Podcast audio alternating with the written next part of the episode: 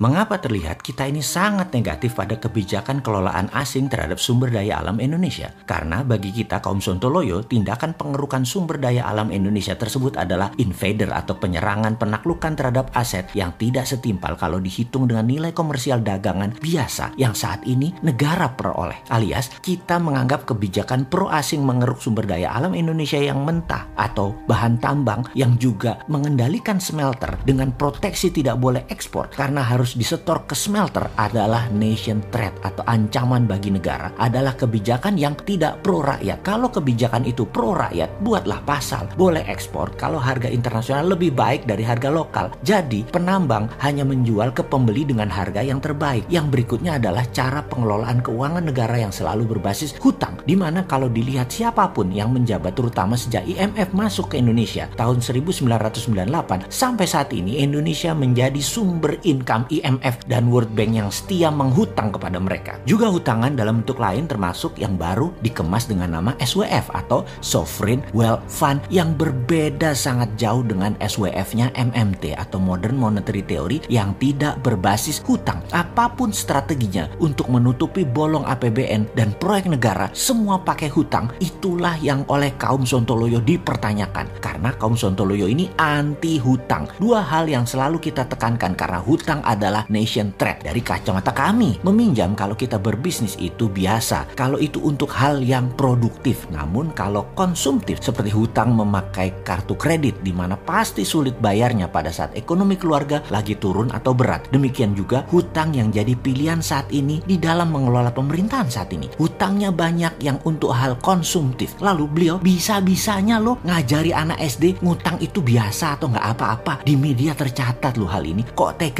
tega-teganya ngajarin hutang ini bagi negara itu tidak apa-apa dan diajarin ke anak SD lagi. Lalu kita mengatakan dengan tegas, hutang konsumtif negara adalah ancaman nasional dan ini harus didengungkan agar masyarakat dan sahabat semua paham. Ada cara kelola yang tanpa hutang dan sumber daya alam tidak dikeduk secara brutal tetapi dapat lebih banyak manfaatnya hingga bahkan 100 kali lipat bahkan 500 kali lipat dari apa yang pejabat negara maha bisa itu lakukan sekarang. Untuk negaranya pendapatannya naik 100 atau 500 kali lipat. Ada caranya. SWF yang tidak pakai hutang adalah Sovereign Wealth Fund dengan pendekatan modern monetary theory. Guru besarnya namanya Michael Hudson, di mana kita semua tahu Hudson lama mengajar di Peking University. Hampir semua politbiro petinggi Partai Komunis Cina adalah murid Hudson saat ini. Mungkin yang terbaik dari murid Michael Hudson adalah Xi Jinping, pemimpin Partai Komunis Tiongkok yang saat ini berkuasa dengan jabatan seumur hidup. Yang kedua, pada tahun 1971 di mana di zaman Nixon jadi presiden kala itu, Hudson lah yang menginisiasi melepas dolar dari ikatan emas sebagai underlying printing money. Dolar dicetak kemudian berdasarkan hutang negara lain, alias dolar dicetak berdasar proyek produktif. Sejak tahun 1971 itulah masa keemasan negara Amerika hingga saat ini di mana di dalam 8 tahun terakhir di challenge atau ditantang oleh Tiongkok dengan obornya One Belt One Road-nya yang sudah mulai mengikat lebih dari 70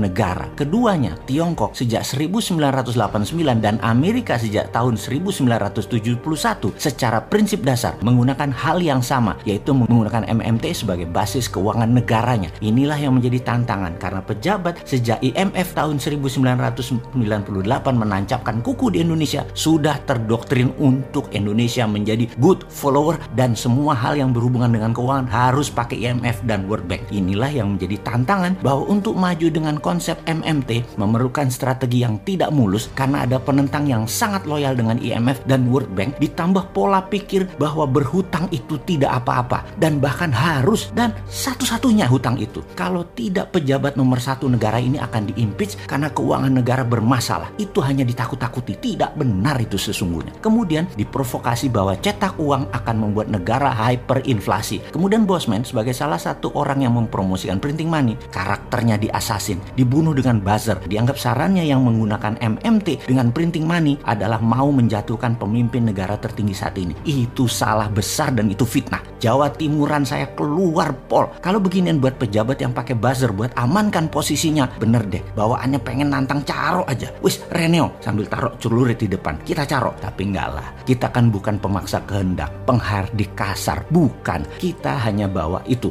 Hal itu semua hanya bawaan diri karena budaya adat Jawa Timuran dulu. Kalau harga diri tersentuh di kampung ya sering terjadi caro, tapi tidak sekarang. Kalau sekarang perangnya lewat sosmed, kalau ditantang beneran gak ada nyalinya anak muda itu sekarang.